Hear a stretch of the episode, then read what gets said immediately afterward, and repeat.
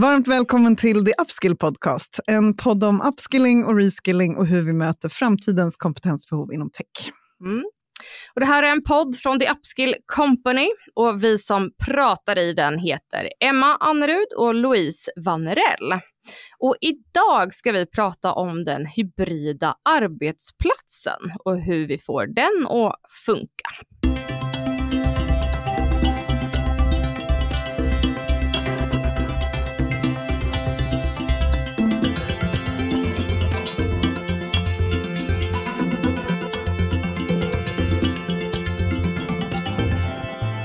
Hej och välkommen till ännu ett avsnitt av The Upskill Podcast. Och, eh, där vi idag ska prata hybridarbete och hur man lyckas med det här. Mm. Och den här frågan om att jobba på kontoret eller inte eh, och kombinationen av de här två kan man ju kanske tycka har diskuterats ett tag nu. Men eh, ja, den fortsätter ju att engagera kan man ju lugnt säga. Ja, den gör ju det och med all rätt. För hur ska vi faktiskt förhålla oss till det nya sättet att arbeta och vad vi ska arbeta och hur vi ska arbeta? Alla de här är viktiga frågorna numera. Mm. Och vi hade ju pandemin där alla som kunde ju jobbade hemifrån 100 procent. Och sen när de här restriktionerna släppte så började ju de flesta företag att tycka att det var dags att komma tillbaka till kontoret och gick ut och, och sa det att så här, ja men nu är det kontoret som gäller fem dagar i veckan igen. Och ehm, så gick det några dagar innan man märkte att eh, nej, ja, men det ville inte folk. Och så fick man liksom ta tillbaka det där och säga att nej men okej, eh, tre dagar i veckan i alla fall. Och nu känns det väl som att det här med hybridarbete, det har väl blivit det nya normala, även om det finns de som fortsätter den här kampen om att återgå till hur det var innan och som vill återvända till kontoret. Ja, exakt så är det väl en bra sammanfattning lite av läget som är där ute just nu. Och såklart, det passar vissa bättre att vara på kontoret alltid och för andra passar det mycket bättre att jobba hemifrån.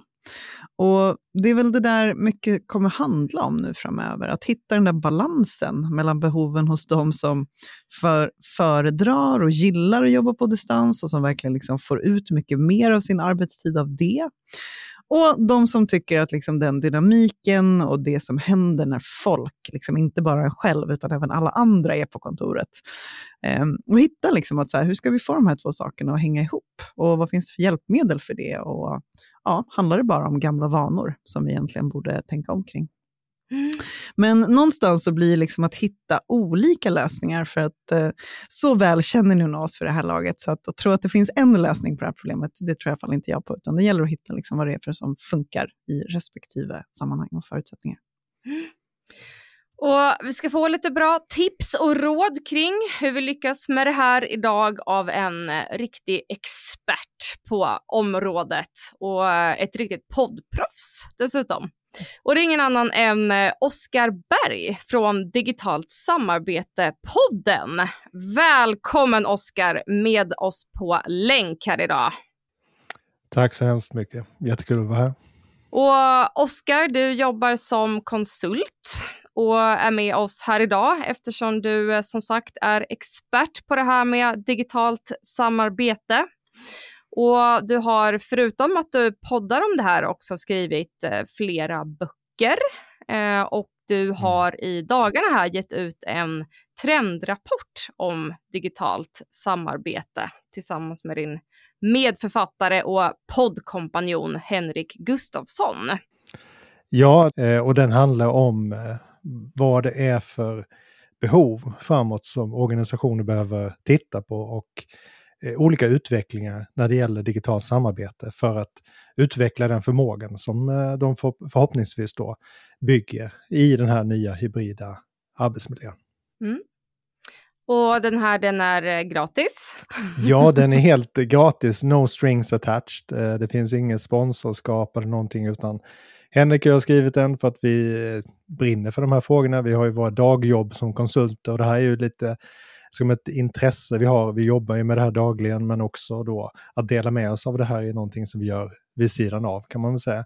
Så att den är helt eh, gratis att ladda ner och kräver ingen registrering. Så att det är eh, hålla utkik på LinkedIn eller gå till vår hemsida bergogustafsson.se så kommer, så kommer det gå att hitta den där. Mm. Spännande. In och spana in den helt enkelt. Och Oskar, du har också berättat för mig att du har en eh, stor familj. Fru och sju barn. Ja, mm. vad kör ni för bil brukar jag få fråga. Uh, det är liksom den första frågan jag får män. Den, uh, den första frågan jag får av kvinnor är, är det samma fru? Är det samma mamma? Uh, det, så det är lite olika beroende på uh, vad man eh, om man är man eller kvinna. Men eh, svaret på de frågorna är ju att alla eh, barnen är ju inte hemmaboende längre då, utan vi behöver inte en bil för sju eh, barn och eh, två vuxna, utan vi har en bil för sju personer.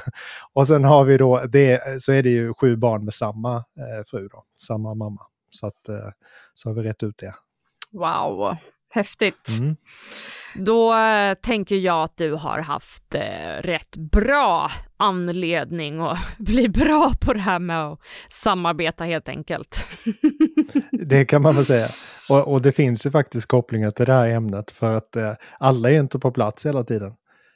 utan det handlar verkligen om att få ihop vardagen när alla är utspridda. Och idag är det ju med mobiltelefoner och annat som vi kommunicerar och Eh, Eh, det, är inte, det går liksom inte att öppna fönstret eh, och ropa hem alla till middagen, utan det gäller att planera sånt och eh, ha kontakt med varandra och samarbeta. Då. Så att det, faktiskt har det ju lite kopplingar till det här som vi ska prata om idag.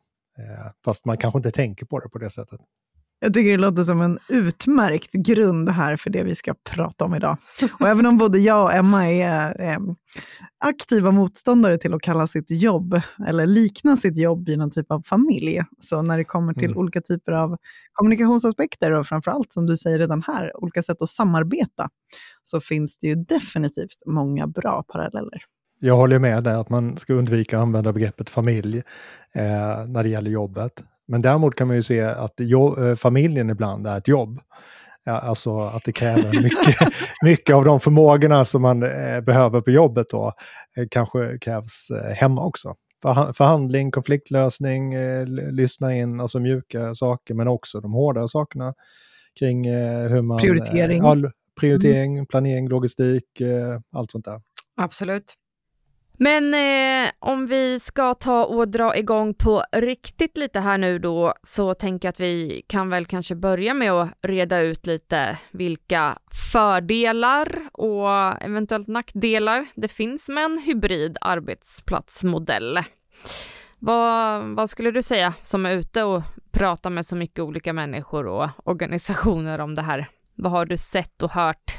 Ja, det finns ju en hel del naturligtvis att välja och vaka mellan eh, på båda sidorna. Eh, när det gäller fördelar skulle jag säga att den främsta fördelen, vi pratar egentligen här om eh, platsoberoende arbete, att kunna vara eh, platsoberoende när man jobbar. Att, eh, kan, det kan ju vara hemmet, det kan vara någon annanstans, men det kan ju också vara kontoret, att vi sitter på olika kontor. Eh, och om man börjar med det så, så är väl en av de största fördelarna att eh, man får ökade möjligheter att hitta rätt kompetens. Eh, man behöver alltså inte bara söka sin geografiska närhet för att hitta kompetens, utan man kan, jag gillar uttrycket som Automatic, eller VD, VD och grundaren för Automatic, Matt Mullenberg använder. Han, eh, Automatic, de är, det är bolaget bakom Wordpress och eh, de finns ju i San Francisco och eh, tror jag, i alla fall ja, Silicon Valley i San Francisco. Och han beskriver det som att de andra teknikföretagen, de eh, fiskar i samma eh, damm, medan de då som har valt att vara distribuerade, de fiskar från hela havet. Eh, och det är ett sätt att se på det, att man, man liksom behöver inte slåss med samma, Eh, i, i, samma lilla damm om den kompetens som finns där, utan man kan eh, få tag i kompetens och, som, eh, som eh, är tillgänglig på andra håll i världen. Då. Så det tycker jag är kanske den viktigaste, i alla fall den långsiktigt viktigaste. Det, det här är en omställning också, att man ska börja titta och, och skaffa förutsättningar för att till exempel anställa eller hyra in personer på distans. Då.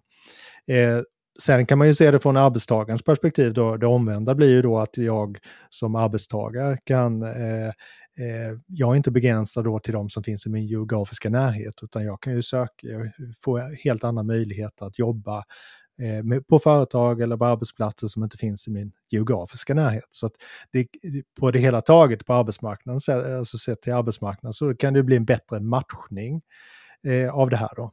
Så det, det är ju, skulle jag säga, den största fördelen med eh, att arbeta plats, mer platsoberoende och det hybrida, den hybrida modellen är ett sätt och kan man säga eh, dra nytta av de eh, fördelarna.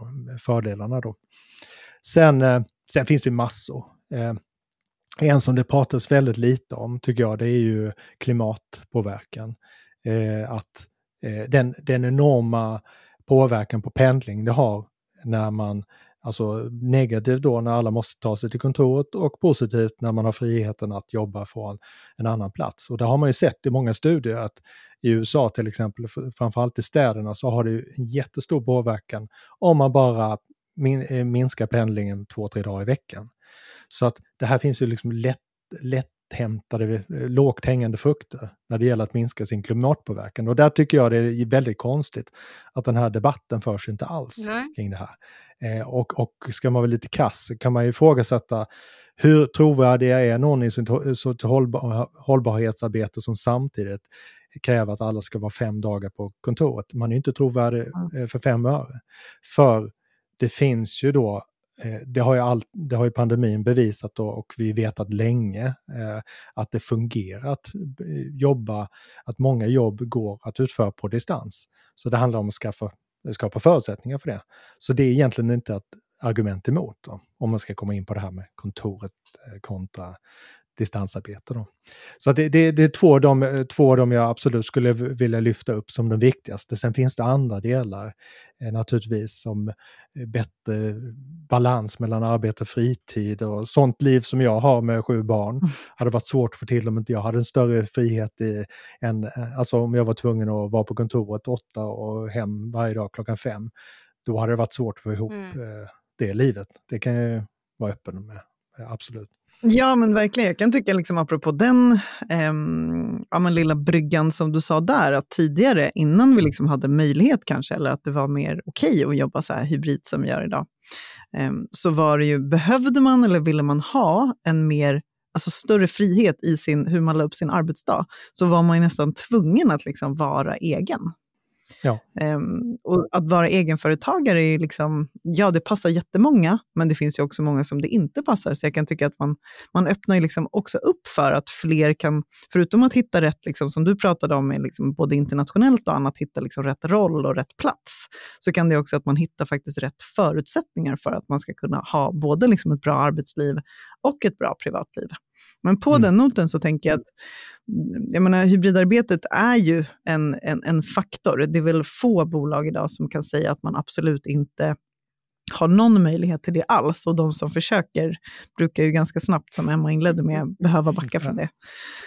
Um, men det finns ju ändå många som förespråkar liksom någon typ av återgång till kontoret, och det fysiska kontoret då såklart. Och, um, vad, vad tycker du om det? Just liksom det här med att man vill tvinga tillbaka medarbetare. Finns, finns det någon bäring i det, eller är det mest liksom någon typ av kontrollbehov som vi ser här? Nej, no, rent, rent rationellt, eh, rent mm. utifrån mm. vad som är, vilka, liksom, så finns det inga. Eh, alltså man brukar framhäva så här kulturen och annat, va? men det, det är ingenting som säger att inte kultur går att bygga eh, på distans. Men, men, kultur byggs av att vi kommunicerar och interagerar med varandra och det vet vi ju idag att vi har, kan kommunicera med varandra på distans. Så det, det är väl Eh, och via olika kommunikationssätt, så då kan vi bygga kultur. Så att det här handlar väl mer om eh, vanor och vilken kultur man vill bygga, till exempel. Det är ju svårt att ha en kultur som bygger på att man ska visa sig, liksom vara, alltså, Facetime brukar man ju kalla det på engelska. Eh, att man ska liksom vara närvarande och eh, skatta åt chefen eller vad det nu är. Det är svårt att göra på distans. Eh, och, och, nej. Och att, jo, nej, det här kontorskulturen, ja, skatta åt chefen eller med chefen, det är, det är kanske felformulerat. Nej, men det, det, här, det här är ju, alltså jag tycker det är intressant att se det här i ett, i ett längre perspektiv. Hur länge har vi haft kontoren och var kommer de ifrån? Och var kommer det här eh, liksom viljan av att ha, vilja ha alla på plats ifrån. och eh, det finns, och vi har det här med distansarbete och hybridarbete är väldigt nytt historiskt sett. Då. Så vi har inte liksom, det här är inte en modell vi har, liksom, den har inte fastnat riktigt. Eh, däremot har vi jobbat på kontor i 200-300 år. Eh, och de första kontoren under de första 200-300 åren då, då var ju kontor huvudsakligen en plats där man utförde rutinbaserat eh, informationsarbete. Vi, alltså räknemaskiner och eh, skrivmaskiner på papper och så vidare. Och det satt ju de här kontorsarbetarna i ett eh, landskap i, nära då ofta fabriken eller du, kopplat till någon typ av produktion. Eh, och så, stod, så, så, hade man chefer som övervakade dem, så till att Eh, de gjorde sitt jobb. För att då var det inte som idag att man eh, la massa tid på att tänka och reflektera och, och skapa och vara kreativ, utan då handlade det om att utföra de här arbetsuppgifterna så snabbt som möjligt eh, under sin arbetstid. Och produktiviteten var lika med eh, hastigheten gånger eh, tiden man var där, närvaron.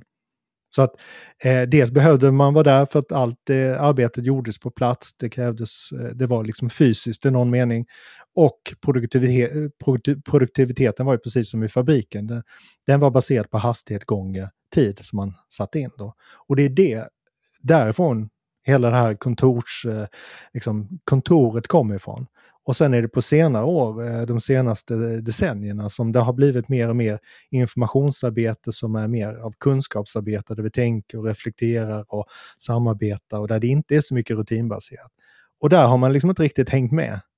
Den, det, den här modellen eh, och sättet att tänka och sättet att leda och så vidare har inte anpassats efter det här nya arbetet. Och det är det vi ser nu. Det är det vi ser som en konflikt. Det handlar inte så mycket om att arbeta hemifrån eller arbeta från kontoret, utan det handlar om den här konflikten. Att hur man mäter man kunskapsarbete, produktivitet, eh, vad, kom, vad är det som skapar produktiviteten? Det är inte att vara på plats och göra saker så snabbt som möjligt på ackord, utan det är att vara engagerad och kreativ och så vidare. Och då kräver det andra förutsättningar. Lång utläggning. Nej men verkligen, vi pratade med vår eh, kollega Micke här i eh, årets, årets första poddavsnitt. Um, och där vi just sa att vi som också jobbar med ganska många olika typer av uppgifter. Jag, menar, jag kan ju både sitta och göra sånt här en arbetsdag, jag kan preppa liksom massa underlag, jag kan pressa, presentera liksom för kunder. Um, jag gör också, precis som du pratar om nu, mycket tankarbete med att så här, hur ska vi mm. jobba med de här sakerna, hur ska vi liksom hitta den här typen av människor, vad kan vi ha för spännande samarbeten och så vidare. och så vidare och så vidare. Och det är inte sånt som jag alltid har bäst förutsättningar för att göra när jag sitter här på kontoret på Söder med liksom sjukt mycket folk runt omkring mig som alltid bara så här, Louise, Louise, Louise. Mm.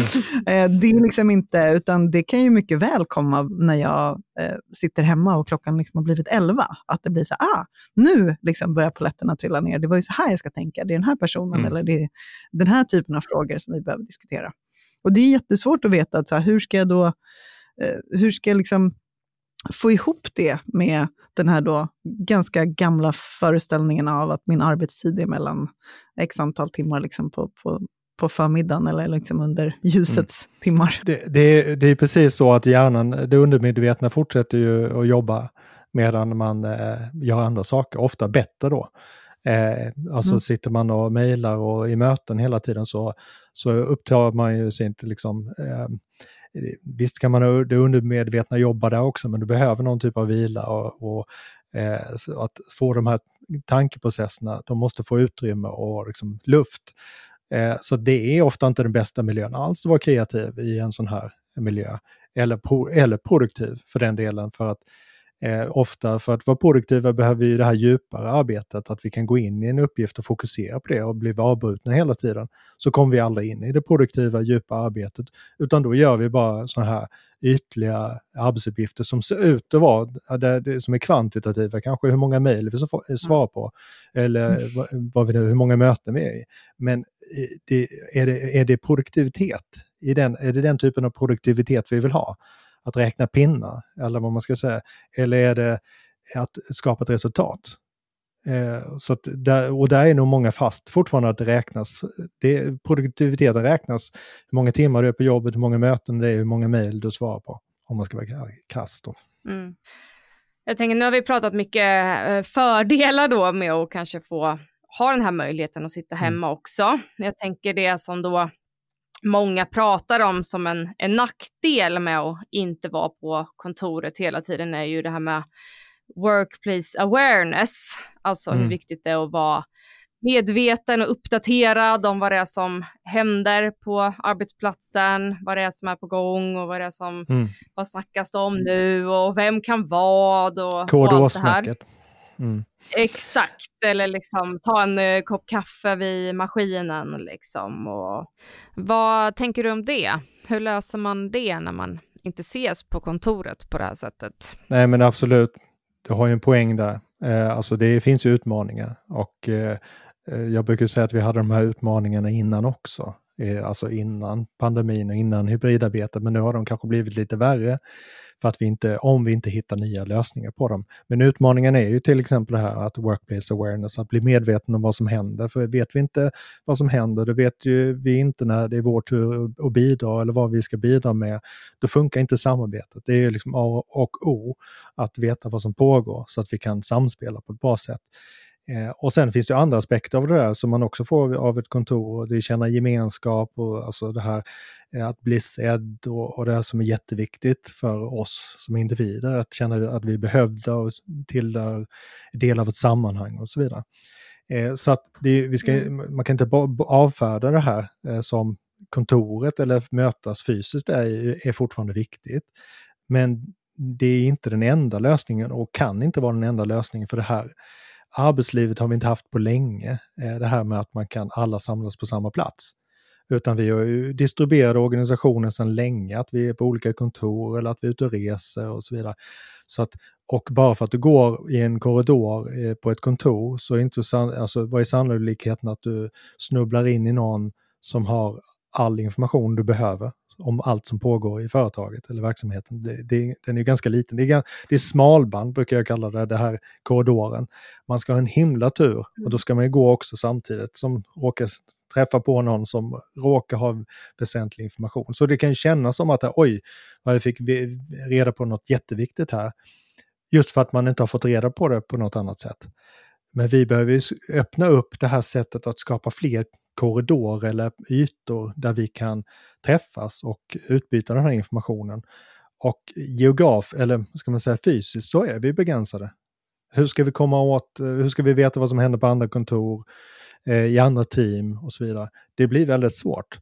Eh, och det blir förstås ännu svårare till och med i vårt eget team om vi inte samlas på samma plats eh, som man har gjort traditionellt. Men man får ju ändå med sig något av det där kanske att man överhör vad någon pratar om eller så. Ja, eh, exakt. Eh, I, I sitt närmsta team. Och det här har man bevisat sen eh, det kom forskning på 70-talet som visade, visade att just när det gäller samarbete 30, eh, alltså 50 feet away, alltså då, då sitter någon eh, 15-20 meter från dig så, så är sannolikheten att du kommunicerar med den eh, nästan obefintlig. Alltså bara, nu pratar vi väldigt korta avstånd. Eh, olika våningsplan, ja, då, är noll, då är det promille. Eh, olika kontor, ja, då, då, måste man ju ha, då måste man ha ett ärende dit så att man spontant börjar kommunicera med någon på ett annat kontor är extremt, eh, det är extremt liten sannolikhet. Så att det här har vi vetat om väldigt länge. Eh, och att det här också, att det här är jätteviktigt för produktiviteten och eh, beslutsfattandet, eh, beslutsfattandet i organisationen, att informationsutbytet mellan team fungerar. Det är inte så, vi har fokuserat väldigt mycket på att teamen är effektiva, men teamen måste göra rätt saker och då är de väldigt beroende av information utifrån. Så, och det här var ju viktigt på 70-talet och hur viktigt är det då idag? När det går så snabbt och det händer så mycket och det finns så stor, så stor komplexitet. Så att vi, det, där, vi, vi ska absolut se till att teamen eh, fungerar och liksom kommunikationen däremellan. Men vi har haft ett problem eh, under lång tid att få det här eh, workplace awareness utanför, vad som händer i andra team och så vidare, att fungera. Och det finns egentligen inget annat sätt praktiskt att göra det här än att använda olika typer av kommunika eh, digitala kommunikationsverktyg för att lösa det här problemet. För det går inte fysiskt. Vi kan inte sätta alla i samma rum eh, inom en radie av eh, 50 feet. Då. Det, det är liksom, det är fysiskt omöjligt. Så då måste vi titta på kommunikationsteknik som lösning. Men det är väl en eh, jättebra, för jag var lite, det var lite däråt jag seglade iväg nu när du pratade om just de här delarna. För att, bara för lite kontext där också i vad vi jobbar med, liksom jag och Emma, med våra upskillare då framför allt. Och där ser vi liksom ett väldigt, väldigt starkt behov ofta initialt, när man kommer liksom som ny på en arbetsplats eller man kommer då som de vi jobbar med, man kommer liksom också i en ny roll det är ju värdet av att liksom sitta bland andra människor som både fångar upp dig och tar med dig i de här liksom olika sammanhangen och som ser att du är en person som faktiskt numera finns här. Eh, men som också mycket av det här ser om du ser helt, helt lost ut. Eh, mm. Eller om du sitter och liksom absolut inte verkar, eh, ja men den där uppgivenheten som man ibland kan känna, framförallt när man är ny. Och vill man komma undan det på olika sätt, och det är inte bara liksom när man är ny, det kan även vara i massa andra sammanhang, men om vi kopplar tillbaka till liksom där, hur gör vi så att folk kommunicerar bättre med de här nya verktygen som finns?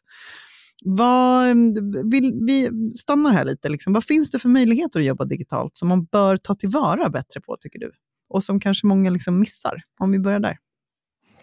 Ja, eh, jag tror att många tittar inte längre än det här med mejl och möten. Alltså att när man har, att man kommunicerar via möten och sen när man behöver något så mejlar man eller chattar man. Man tänker inte på det här just den här kommunikationen som behöver ske eh, mer öppet brett och det, det som egentligen ersätter eller kompletterar det, det här när man går och eh, i, på ett kontor och träffar på människor som man kanske inte hade stött på innan eller råkar överhöra någonting. Eh, förr kallade man eh, det här sociala nätverk, interna sociala nätverk. Ni kommer ihåg Yammer och liknande. Yammer har ju mm. försvunnit, eh, sugits in i Microsoft. Eh, är ju en del av Microsoft, alltså deras portfölj nu av verktyg. Så det finns ju den här typen av verktyg i, i många av de här samarbetssviterna. Då. Sen är det ju en annan sak att börja använda dem eh, och använda dem på rätt sätt. Att det förutsätter en eh, öppen och transparent kommunikation, att man kommunicerar. Eh, det finns ett begrepp, ett uttryck som heter work out loud, som bygger på att genom att du är explicit och berättar om vad du gör eh, innan någon frågat efter det, egentligen, så, så skapar det också möjligheten till eh, så här lyckliga sammanträffanden, serendipity, att eh, du råkar komma, det, du hör, höra om någon annans idé eller något som händer på en annan plats och så, och så börjar ni prata om någonting och så leder det till att ni utvecklar en relation och, eller kanske börjar samarbeta rent av eller inte. Men det finns helt plötsligt många möjligheter eh, som uppenbarar sig som inte uppenbarar sig när man i möten där man har bjudits in och träffar samma människor. Det är liksom som att Eh, gå in i en telefonkiosk eh, eller gå in i ett litet liksom, ett rum hemma hos någon kompis kontra att gå ut och röra sig på ett torg, en torg eller där det finns massa människor som, eh, som ja, du vet inte vilka det är där. Du, du måste ut på de här torgen eller de här, på de här ytorna och börja kommunicera för att du ska eh, ja, du ska få tillgång till information, att du ska träffa nya människor. Så det, här, det här är självklarheter eh, liksom, i vår vardag. Liksom, du träffar inga nya människor genom att träffa samma människor i samma rum hela tiden, utan då måste du ta dig ut någonstans. Och vi behöver ju tänka likadant när det gäller det digitala. Att ja, dels skapa sådana här platser och, och dels då eh, få in ett beteende, eh, en kultur, där vi eh, pratar öppet och delar med oss och, och eh, både söker kontakt men eh, också liksom, jag, jag, gillar den här, eh, liksom, som ni var inne på Louise, det här med onboardingen och nya medarbetare. När du kommer in till ett kontor och någon ser att du är, är vilse. Det är inte säkert att man gör det. Vissa kontor skiter de totalt i eh, liksom, hur, vem som går där. Alltså man är helt anonym. Andra är det ju en så här, oj, men här är en person som behöver hjälp och det, det här sitter i våra beteenden och hur vi, liksom, hur vi tänker, hur öppna vi är och, och så vidare. Så de beteendena, vi måste inse att det är beteendena och jobba med de beteendena och se till att vi eh, lär oss att använda dem, eller ska man säga, eh, förstärka dem och erkänna dem digitalt. Eh, och det är ju kulturbyggande om något. Eh, så att eh, man behöver också bli mer då explicit med vad man vill ha för kultur och hur man ska, vilka spelregler och vilka beteenden man vill ha. Och en, en fördel som man ofta glömmer bort i det här digitala, det är ju att beteendena blir mycket mer synliga. Mm. På, alltså, vi kan faktiskt jobba med vår kultur och fånga upp beteende på ett annat sätt. Det är väldigt svårt på ett kontor till exempel, där det kan, vi kan säga att vi har en viss kultur, men i korridorerna eller mötesrummen så är, är det andra beteenden och andra attityder som eh, får spelrum. Nej, men jag bara tänkte här, jag tycker att eh, det är jätteintressant med det här som du pratar om, liksom smala och breda korridorer över var, var någonstans man hör någonting. Men eh, tänker bara att jag tror att de, många som lyssnar och som kanske liksom har någon typ av, av hybridarbetsplats ändå, och man har olika kommunikationsvägar, vi använder Slack här, och man, många som är med i liksom Microsoft-universat har ju Teams och alla de här olika Yammer och vilka det nu är som ingår i det. Men hur ska man börja tänka, liksom, någonting konkret med att så här, okay, vilken typ av information är det som vi faktiskt liksom delar brett och publikt? Eh, för jag kan ju tänka mig, bara jag själv skulle vara så här, är det här verkligen intressant för andra att veta? Är det här någonting som jag mm. ska liksom, hur, hur kan man börja jobba konkret med att få den typen av frågor att bli liksom tydliga? Jag, jag, tror att det du uttrycker där, med, det är nog många som känner det, att det här är, det är så många kände när sociala medier kom. Varför ska någon veta när jag äter min frukost eller vad jag äter till frukost? Eh, och tydligen så är, finns det de där ute som är intresserade av din frukost, eh, har det visat sig. Facebook fyller ju 20 år idag, apropå det. Oj! ja, sådär. Nej men alltså, och det kommer man ihåg, det, det här var, liksom, var meningslöst. Va? Eh, och sen så är det många människor som har fått ett helt, liksom, ett helt annat liv och, och liksom, eh, om jag pratar influencers och andra idag, men folk i gemen har en eh, mycket bättre koll på liksom, vad som händer och så vidare. Eh, så att, eh, och nu måste jag hitta tillbaka till din fråga där som var... Eh, ja, nej, ja, men det var, det jag tänkte det här med att man är rädd att dela med sig för mycket. Och det är ju det mm. som, det är, vi är så vana vid push, att, att man liksom man, man kommunicerar via mail och ringer någon och berättar och eh, man, ska bygga, man bjuder in till ett möte och då är det push, då har man något att berätta. Eh, de här plattformarna är ju gjorda på ett annat sätt så att det är inte så att allt det du berättar kommer överskölja folk med, med information. Utan genom att du berättar det så blir det tillgängligt för den som skulle vara intresserad av det. Och det, är så, och det glömmer vi att vi kan inte veta vem som behöver en viss information förrän den har, har eh, på något sätt bedömt det själv. Och det är en jätteviktig viktig del eh, som då kopplar till det här med sociala eh, nätverksplattformar och så vidare. Och det här, det här rent konkret då, eh, så istället för att jag frågar dig, eh, om vi nu kör Teams, så att jag måste fråga dig hur går det via, via chatten eller på något sätt, så skulle vi kunna ha en rutin, en, en, en, en spelregel eller ett arbetssätt som säger att varje dag så berätta lite om vad jag ska göra och vad jag har gjort i ett inlägg i vår Teams-kanal. Och då får man, en, då får man lite av den här workplace awareness. Eh, som, det kanske inte är relevant för alla, men eh, man får ändå den här, är det intressant så läser man det, är det inte intressant så hoppar man över, över det. Eh, om någon tar sig in nytt i det här, alltså en ny person ska in i det här teamet så kan det vara väldigt intressant att ta reda på vad andra eh, deltagare i det här, medlemmar i det här teamet har gjort tidigare och så vidare. Så att vi, vi underskattar ibland värdet av information som vi delar med oss av. Eh, och eh, bara sådana här enkla beteenden som att börja dela med sig om vad som händer dagligen kan göra enormt stor skillnad för det här med workplace awareness, men också då att lära känna varandra och känna sig delaktig. Du går inte in i ett tomt team utan du ser att här är människor som, eh, som eh, lever och uttrycker sig och du själv kan vara delaktig i den här dialogen. Och det kan göra att du känner en större connection till din arbetsplats till exempel. Så det är ett enkelt exempel på en väldigt konkret sak mm. man kan göra eh, för att eh, adressera flera av de här behoven då som vi har i det hybrida arbetslivet.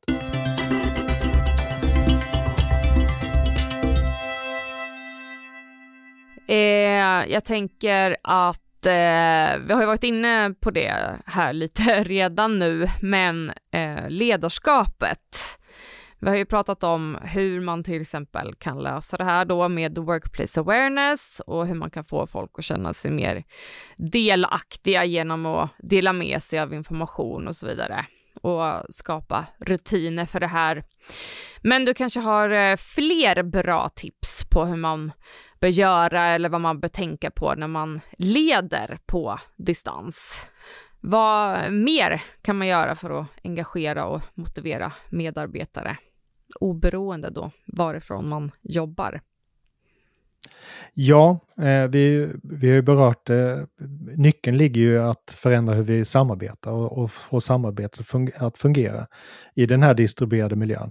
Som led, man, vi pratar så väldigt mycket om ledare och ledarskapsförmåga och så vidare, men här handlar det om som ledare att bli riktigt bra på hur man skapar förutsättningar för medarbetarna att samarbeta. Förr kunde man kanske det räcka med att samla dem på kontoret så löste det av sig självt, hoppades man. Mm.